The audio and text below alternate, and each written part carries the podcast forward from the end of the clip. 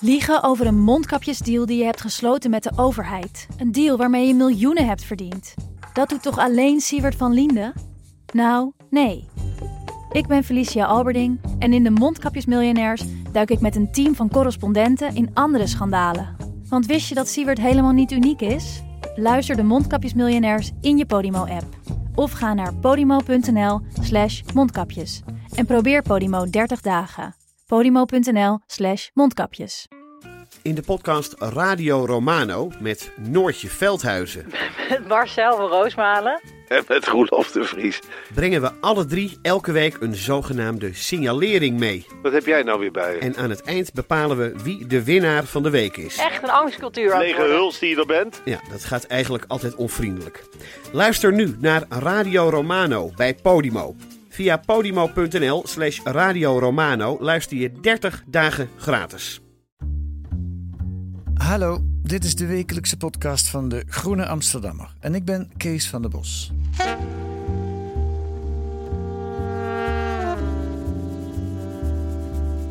Haat, beledigingen, schelden, dat gebeurt veel op Twitter, Instagram en andere sociale media.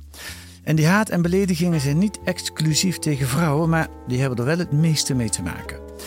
Een voorbeeld. Eergisteren plaatste de Belgische liberale politica Shihame El Kouakibi, een jonge vrouw met een gekleurde huid, deze emotionele oproep. Mijn staat is momenteel minder positief. Enkele dagen na een stuk aanvallen, seksistisch, racistisch. Seksistisch als zijnde holvat, lege doos, gleuf, dikke trut, onnozele trien. Racistisch, moslimhoer, zandbakvlo, zandneger. Uw vuile soort, met uw soort kunnen we niet ranzig genoeg zijn. Aandachtsvoer, poedelkop, en ga zo maar door. Wel, beste mensen, ja. Normaal gezien zwijg je, ga je door. Denk je, gauw weten, de types die dat doen, die weten niet beter, zijn gefrustreerd, moet blijven gaan. Maar eerlijk, dat is exact wat ik niet kan doen. En mensen hebben mij gewaarschuwd toen ik in de politiek stapte. En ik heb altijd gezegd van, kijk, ik weet dat dat een harde steel is. Ik weet dat dat een harde sector is. En het hardste in uw eigen partij. Maar ik had zoiets van, ik, ik maak dit al eerder mee. Ik maak dit al tien jaar mee, want als je op de barricade staat, dan maak je dat mee. Dan krijg je de wind van voren. Maar het wordt erger en erger. En ik besefte hoeveel vrouwen dit elke dag meemaken. Tot zover politica Siame El Kouakibi. Katelijne Buitenweg, politica van GroenLinks, oud-Europarlementariër en nu Tweede Kamerlid voor GroenLinks, schreef hierover een boos essay in De Groene van vorige week. En daar kwamen veel reacties op. En om die reden zit ze nu hier om dat toe te lichten. Dag Katelijne, Goeiedag. welkom in de podcast. Ja, de eerste vraag is toch, maak jij dit zelf ook mee?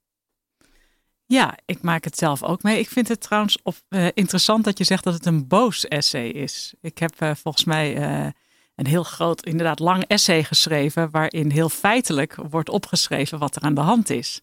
En hè, aan de hand van heel veel onderzoek, aan de hand van voorbeelden, laat ik zien wat er is. Ja, En dus in die zin vind ik het zelf minder boos, alhoewel Ja. ik me er wel boos over kan maken. nou misschien moet ik dat dan nuanceren. Ik werd er boos van. Ja, nee, dat snap ik.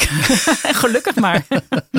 Maar je hebt gelijk, jouw essay is niet een woedend essay, maar Nee. is een analytisch verhaal. Ja, dat heb ik inderdaad geprobeerd, omdat Ja. al heel snel gezegd wordt van oh, emotioneel en eh, dan word je alweer snel aan de kant gezet. Ja, Terwijl ik dacht, ik wil heel droog aan de hand van allerlei onderzoek wat er bestaat laten zien eh, wat er gebeurt. En wat er gebeurt bij politici, wat er ook gebeurt bij journalisten.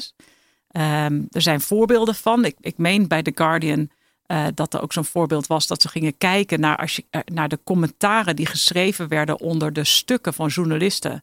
En dan zie je dat vooral de stukken van vrouwen en vooral van vrouwen van kleur, maar ook van mannen van kleur, dat die ja, de meest haatdragende commentaren krijgen. Ja, en dan moet je je toch op een gegeven moment gaan afvragen, hoe komt dat? Dan speelt er toch iets anders mee dan eh, dat je alleen maar boos bent over de inhoud van zo'n artikel. ja, dat heb je onderzocht, dat heb je bekeken. Eh, daar gaan we het nu ook over Ja. hebben. Hoe kan dat en wat is er tegen te doen? Eh, maar dan toch, de eerste vraag, misschien komt het ook voort uit waarom schrijf je zo'n artikel? Ben je zelf ook beledigd, bedreigd? Word je lastig gevallen? Of valt het in jouw persoonlijke geval wel mee? Nou, ik krijg ook wel commentaren, uh, kleinerende commentaren. Af en toe commentaar zoals, uh, nou, als je man over je heen gaat, dan zal hij wel een zak over zijn hoofd moeten doen. Ehm, ik heb ook wel mijn foto wel eens op zien poppen bij speciale mannensites. nou, weet je, dus, dus ja, dat maak je mee. Eerlijk gezegd was het wat minder vanuit boosheid over mijn eigen commentaren als wel nou ja, als vice-fractievoorzitter van GroenLinks heb ik ook te maken met natuurlijk uh, in, uh, ja, commentaren die andere mensen in mijn fractie ontvangen. En iemand zei op een gegeven moment tegen mij, die liet me iets zien en die zei: Ja, weet je, ik kan er heus wel mee omgaan, uh, maar ik voel me er wel vies door. Toen dacht ik, ja, dat is dus. Dat is gewoon niet aanvaardbaar. Het is, het is prima dat er tegenspraak is tegen politici. Dat moet ook. en dat mag best af en toe ook fors zijn. Maar hier is gewoon sprake van intimideren. Het is uh, sprake van dat je vrouwen eigenlijk uit het publieke domein wil halen. En toen dacht ik, ja, daar moet ik gewoon iets over schrijven. Ja. Nou ja, dan heb je in januari heb je reces. Dus dan heb je tijd om in de pen te klimmen. Uh, dus nou ja, toen heb ik allerlei onderzoeken uh, verzameld. En ik zat daarvoor al in een groepje met onderzoekers van verschillende universiteiten, internationale ja, onderzoekers. Mm -hmm. um, dus ik vond het leuk om hun onderzoeken ook te gebruiken en hun een podium te geven in Nederland. Oké, en dan duik je erin, dan ga je erin verdiepen, ga je met onderzoekers praten. Uh, is het je mee of tegengevallen wat je aangetroffen hebt? Nou, wat ik wel interessant vond, en dat was iets anders dan ik van tevoren uh, realiseerde, is dat die onderzoekers niet alleen de negatieve kant benadrukken van sociale media, maar ook nadrukkelijk de positieve kant. Dat doe jij ook in je essay. Hè? Je begint met ja. dat sociale media allemaal niet voor goed voor elkaar kunnen krijgen. Zeker. En ook juist voor vrouwen. Ik bedoel, je ziet ook in Amerika uh, dat bij de verkiezingen dat juist vrouwelijke politici heel actief zijn op Twitter. Veel meer dan hun mannelijke tegenstrevers. Uh, en dat komt omdat ze vaak in de traditionele media ook minder een podium krijgen. Of dat het bij interviews met hun dan al snel gaat over de situatie van hun gezin. En of ze nou wel of niet kinderen hebben. En over hoe ze eruit zien. Ja, en dan is sociale media is natuurlijk een fantastisch uh, fantastische plek om jezelf te kunnen laten zien. En zelf ook je onderwerp en je toon te bepalen. Dus dat heeft ook veel goeds gebracht. Ja, ja, nou dat goed, dat nemen we graag aan. Maar we gaan, we gaan het nu hebben over het slechte wat het heeft gebracht. En hoe erg dat is. En uh, uh, wat er aan te doen is, als er al iets aan te doen is. Kijk, uh, wat toen ik over zat te denken, jouw verhaal. Sociale media zijn eigenlijk een soort ultieme vorm van democratie, zou je kunnen zeggen. Vroeger had je een boek of een krant of een tijdschrift nodig om je mening publiek te kunnen maken. Tegenwoordig kan elke eh, drogist of student of wie dan ook hetzelfde medium gebruiken als Donald Trump. Uh, heeft natuurlijk niet hetzelfde aantal volgers, maar hetzelfde, dezelfde mogelijkheden om te publiceren. Uh, en dat is een revolutie, zou je kunnen zeggen. Maar het zet natuurlijk ook de poort open voor allerlei veiligheid en onbeschoftheid die vroeger in de kroeg misschien tegen elkaar geroepen werd. En die mensen nu uh, op social media kunnen zetten. Ja, en die dus ook antidemocratisch uitpakt. Want ja. het hele idee natuurlijk bij democratie uh, is dat je met elkaar praat, dat je gedachten wisselt. En in die zin dat je ook respecteert. Want als jij, jij wil je mening geven, en dan moet je ook horen wat een ander te zeggen heeft. Terwijl ja. als je ziet wat er nu gebeurt, is dat er juist mensen eigenlijk zeg maar, van het plein verdreven worden. Dat er uh, gezegd, ja, gezegd wordt, of in ieder geval dat, dat je laat merken van nou die vrouwen, laat me teruggaan naar, naar de keuken en het bed als het me niet aanstaat wat ze zeggen. Ja. Dat vind ik dan wel interessant. Ik heb daar ook over gedacht. Ik dacht, dat, waarom zie je dat minder bij mannen? En dat is natuurlijk dat bij vrouwen er toch een bepaald idee is van ja, die kwamen van de keuken en dit bed, dus die kunnen er ook weer naar terug gaan. Terwijl bij mannen, die hebben er altijd op het plein gezeten. Ja, um, ja dus daarvan wordt wel gezegd af en toe dat het zakkenvullers en eikels en al die dingen zijn. Maar het wordt niet betwist dat zij het recht hebben om politiek actief te zijn. Terwijl bij die vrouwen al snel gezegd wordt van joh, flikker maar op. Ja, ja.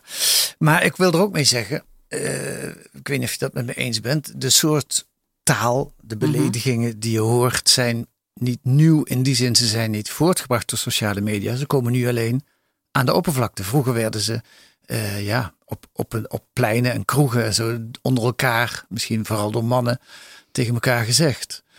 Ja, dat, ik denk dat dat wel klopt. Um, het wordt ook wel versterkt door zaken als zo'n retweet-knop. Hè. De uitvinder van de retweet-knop heeft ook uh, spijt van dat hij dat heeft gedaan. Ja, Chris Om... Wetherell, je noemt hem in je artikel. Ja. De productontwikkelaar bij Twitter die die retweet-knop heeft uh, bedacht. Hij, heeft, er, heeft er spijt van, geloof ik. Hij heeft er spijt van, omdat hij ook zegt van ja, het is alsof je een, uh, ik geloof dat hij zei, een geweer aan een kleuter geeft. Het heeft een heel erg versterkend effect. En uh, je ziet dat er kan geretweet worden, ook via mechanismes, hè, via bots. Ja. Nou, en dan blijft het allemaal maar de hele tijd echoen. Um, en dat, dat kan echt wel heel intimiderend uh, zijn. Ja. Dat, dat, dat, dat, ja, dat zie je ook uh, uh, hoe dat uitpakt. Op politici, maar bijvoorbeeld ook op journalisten. Want ik vraag me nog wel af of jullie daar zelf bij de journalisten ook wel eens over hebben gehad. Want vorig jaar heeft de NVJ ook een, de Nederlandse Vereniging voor Journalisten ook een rapport geschreven waarin ze zeggen dat juist ook al die berichten heel erg intimiderend is, juist voor vrouwelijke, politici, eh, vrouwelijke journalisten en columnisten, vooral ook vrouwen van kleur. Ja. En wat heeft dat dan gebracht verder bij jullie op de burelen? Ik heb er weinig van gemerkt. Ik kom van uh, de Argos-redactie, de radio, VPRO Radio. We hebben tijden gehad dat we voornamelijk een redactie hadden die uit vrouwen bestond en, en, en mannen. Meestal is het van allebei uh, ja. wat. Uh, daar kwam wel eens een enkele bedreiging binnen. Ik herinner me meer een bedreiging per brief die we aan de politie doorgegeven hebben, omdat we dat toch wel een beetje ernstig vonden. Dat is meestal als we programma's over immigranten of over buitenlanders ja. maakten. Ja. Um, er zal ook ongetwijfeld wel wat op het Twitter-account uh, aan viezigheid geroepen worden, maar uh, we hebben het er nooit over gehad. Ik, het, het, is ook heel weinig bij ons. Nee, Misschien... want ik vond het namelijk opvallend dat de NVJ echt zei van ja, er zijn echt een flink aantal journalisten die ervoor kiezen of anoniem te schrijven of een andere invalshoek te kiezen of een andere toon te nemen. En daarvan denk ik, ja, dat vind ik erg. Want Ja. dat betekent dat toch ook de vrijheid van de pers, vrijheid van meningsuiting onder druk staat. Eh, dat het effect heeft, al dit geïntimideren, dit ge- getrol en getreiter. Nou ja, dat is, dat is echt, vind ik, heel zorgelijk. Een voorbeeld daarvan is Fidan Ekis, Ja. eh, Turkse volgens mij, presentator van de Nieuwe Maan talkshow. Maar die is daarmee gestopt vanwege de stroom haatberichten die ze naar eigen zeggen kreeg. Ik heb dat verder niet onderzocht, maar ik, ik, ik, eh, retweet even haar, eh, haar Ja. woorden nu. Maar dat is, dat, is, dat is vrij ernstig natuurlijk. Ja, dat is zeker ernstig. Er zijn echt veel meer voorbeelden van, eh, van inderdaad presentatrices of, of, of columnistes die daarvoor kiezen dan. En je kan natuurlijk zeggen, eh, hoorde ik ook wel de afgelopen dagen van, nou ja, if you can't stand the heat, stay out of the kitchen. Maar dan denk ik, ja, maar waarom is die keuken voor vrouwen nou zoveel warmer gekookt, opgestookt, eh, dan voor mannen? Dat kan niet oké zijn. Dus we zullen ons toch daartegen moeten verzetten. Ehm, en wat ik merk wat al helpt, is om het er gewoon over te hebben. Ik, ik kwam afgelopen week een eh, gemeenteraadslid tegen in de trein. En die zei, oh hartstikke goed dat artikel. Want ik merk al dat toen ik een aantal eh, baggerberichten op mijn Twitter kreeg, dat collega's me al aanspraken van, ah joh, trek het je niet aan. En het feit dat, het, ja, dat je toch een hart onder de riem krijgt, eh, is denk ik belangrijk. Ja. En ik heb er ook spijt van dat ik dat in het verleden misschien toen ik een aantal toch wel heftige berichten aan collega's zag, dat ik dat toen niet heb gezegd. Ja. Nog één voorbeeld en dan gaan we over mogelijke oplossingen praten.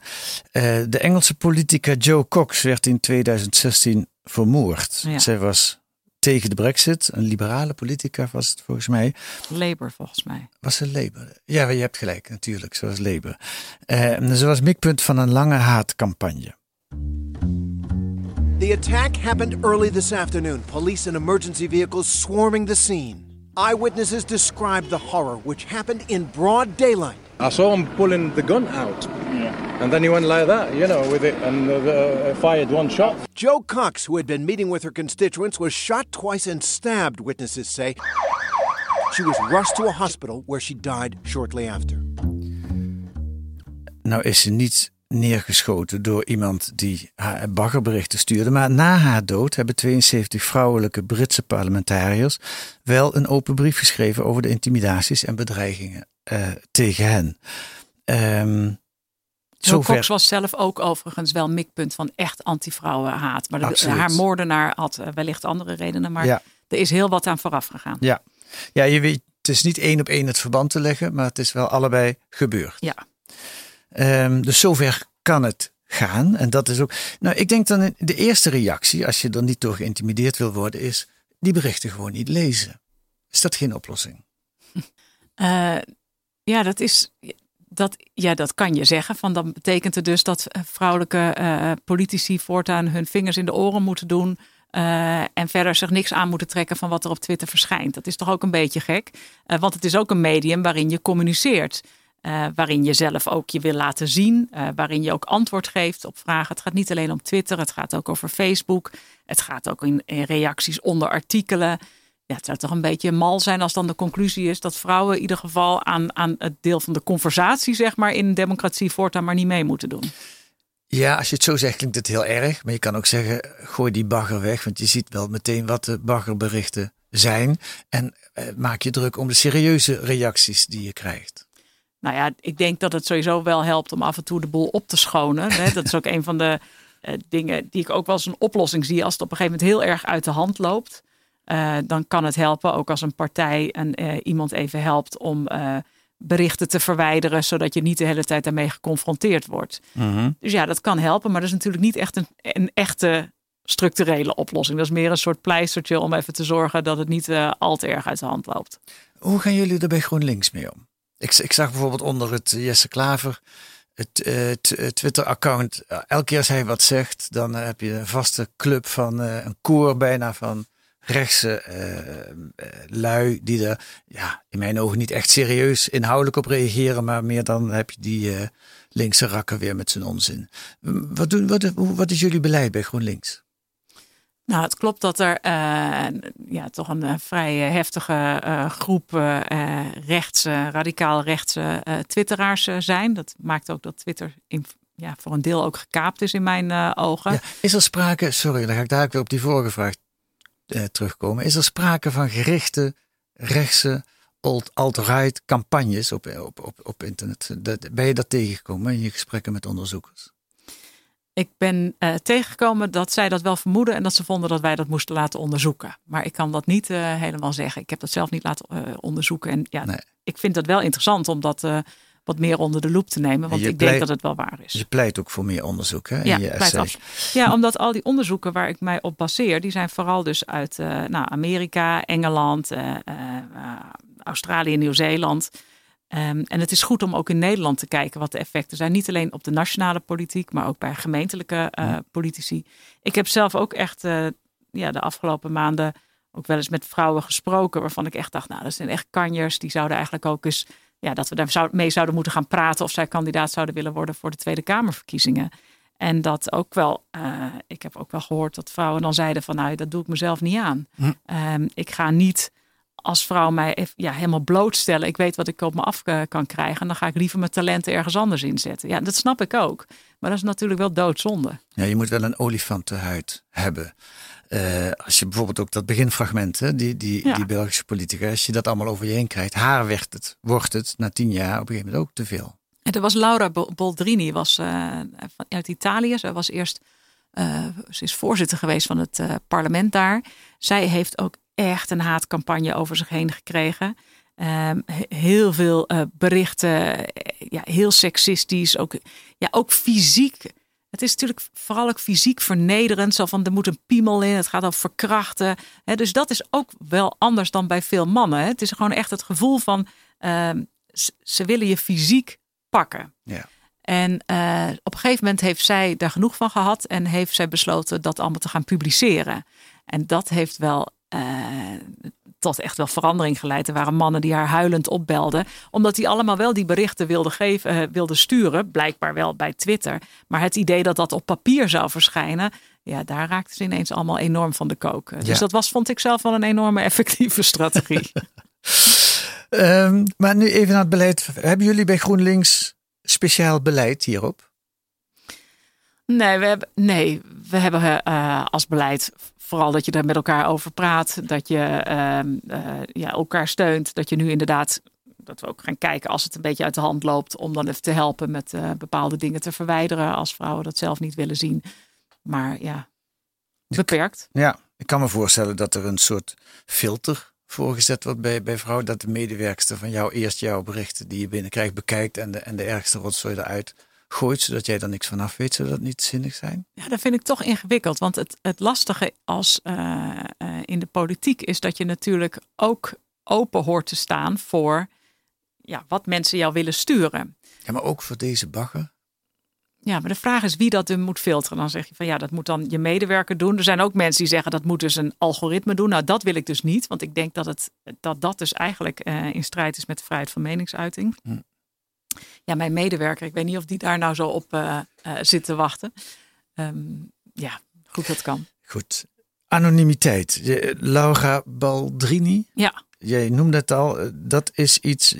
Ik vind het wel interessant. In jouw essay schrijf je ook over eigen ervaringen van jou. Als je op een gegeven moment iemand die jou met linkse kuthoer uh, benadert, terugschrijft, wat er dan gebeurt.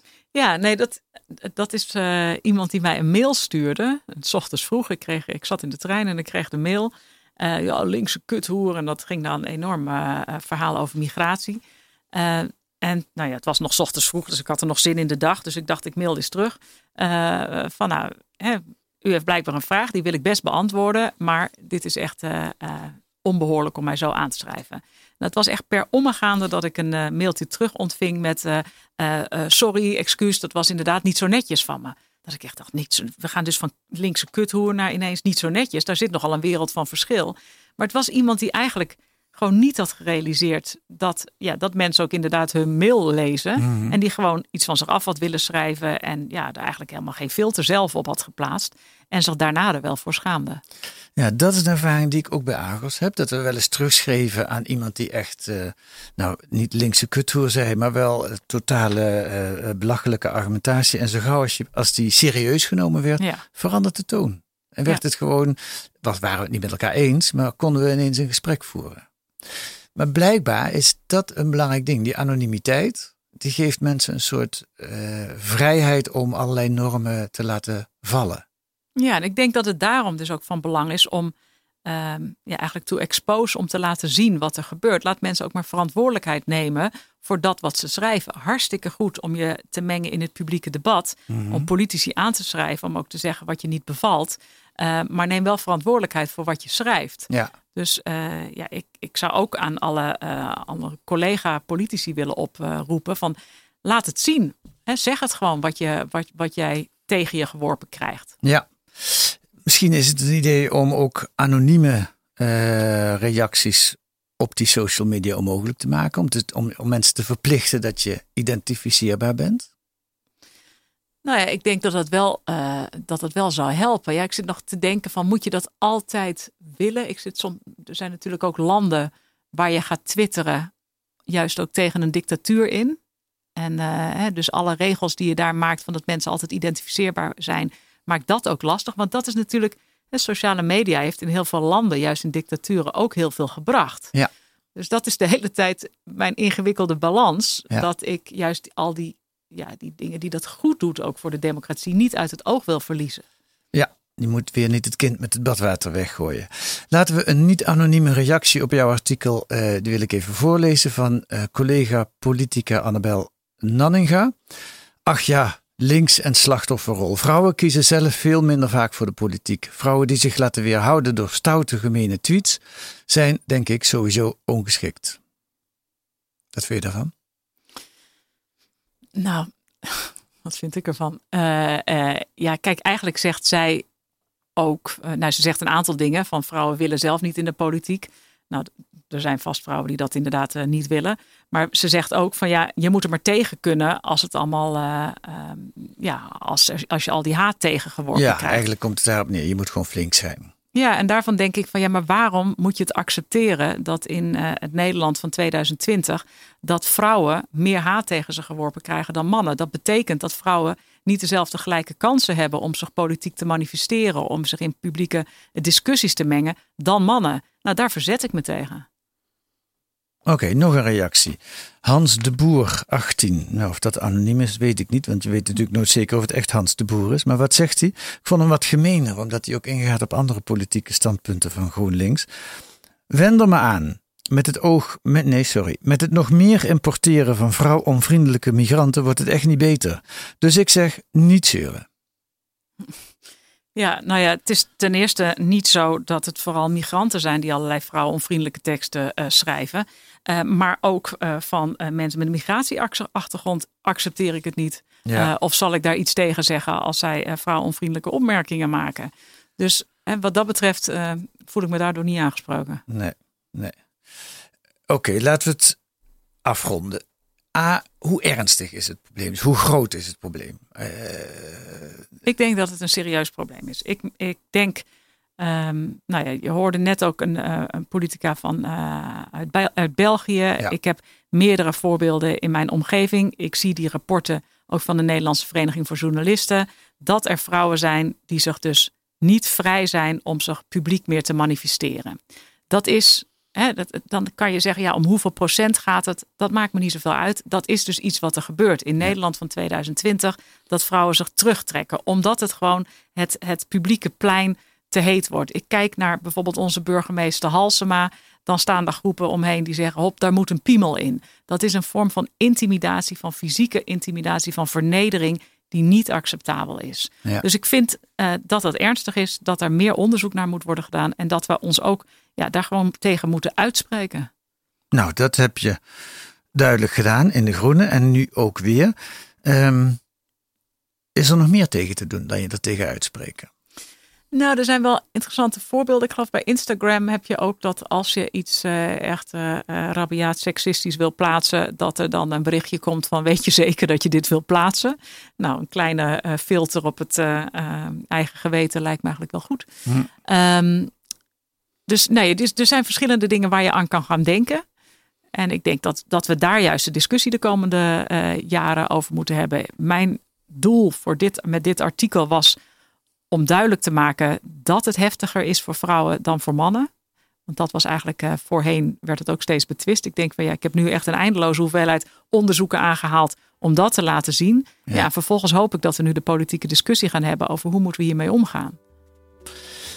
Ik hoop het ook. Ik ben benieuwd. Nog even, uh, wat zijn de reacties die jij de afgelopen week hebt gekregen? Je noemde net al dat gemeenteraadslid. Ben je in de Kamer aangesproken door ja, ik heb echt wel heel erg veel positieve reacties gehad van Kamerleden die het echt heel fijn vonden uh, dat, ik dat, uh, dat ik dat deed. Um, nee, dus ik heb eigenlijk zeg maar van de collega's alleen maar hele hartelijke reacties gekregen. De kop is eraf, de discussie kan beginnen of kan verder gaan. Dus kijken wat het oplevert. Dankjewel, Katelijne Buitenweg. Graag gedaan.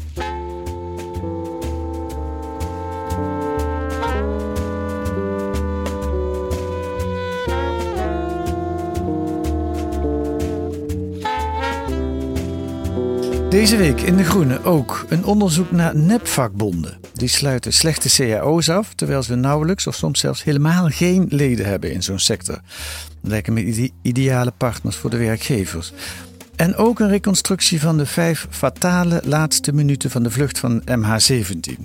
Welke fouten maakten de soldaten die de boekraket bedienden? Allemaal te lezen in De Groene met een abonnement of een proefabonnement. Ga dan naar groene.nl. U kunt ook bagger of niet reageren. Uh, dat kan op uh, groene.podcast.nl. Uh, en uw reacties worden in elk geval gelezen. Volgende week zijn wij er weer met analyses en achtergronden bij het nieuws in deze podcast van de Groene Amsterdammer. Deze week werd die gemaakt door Daan Stoop, Rosa Uiterwaal en Kees van der Bos. En de muziek is A Tune for N van Paul van Kemenade.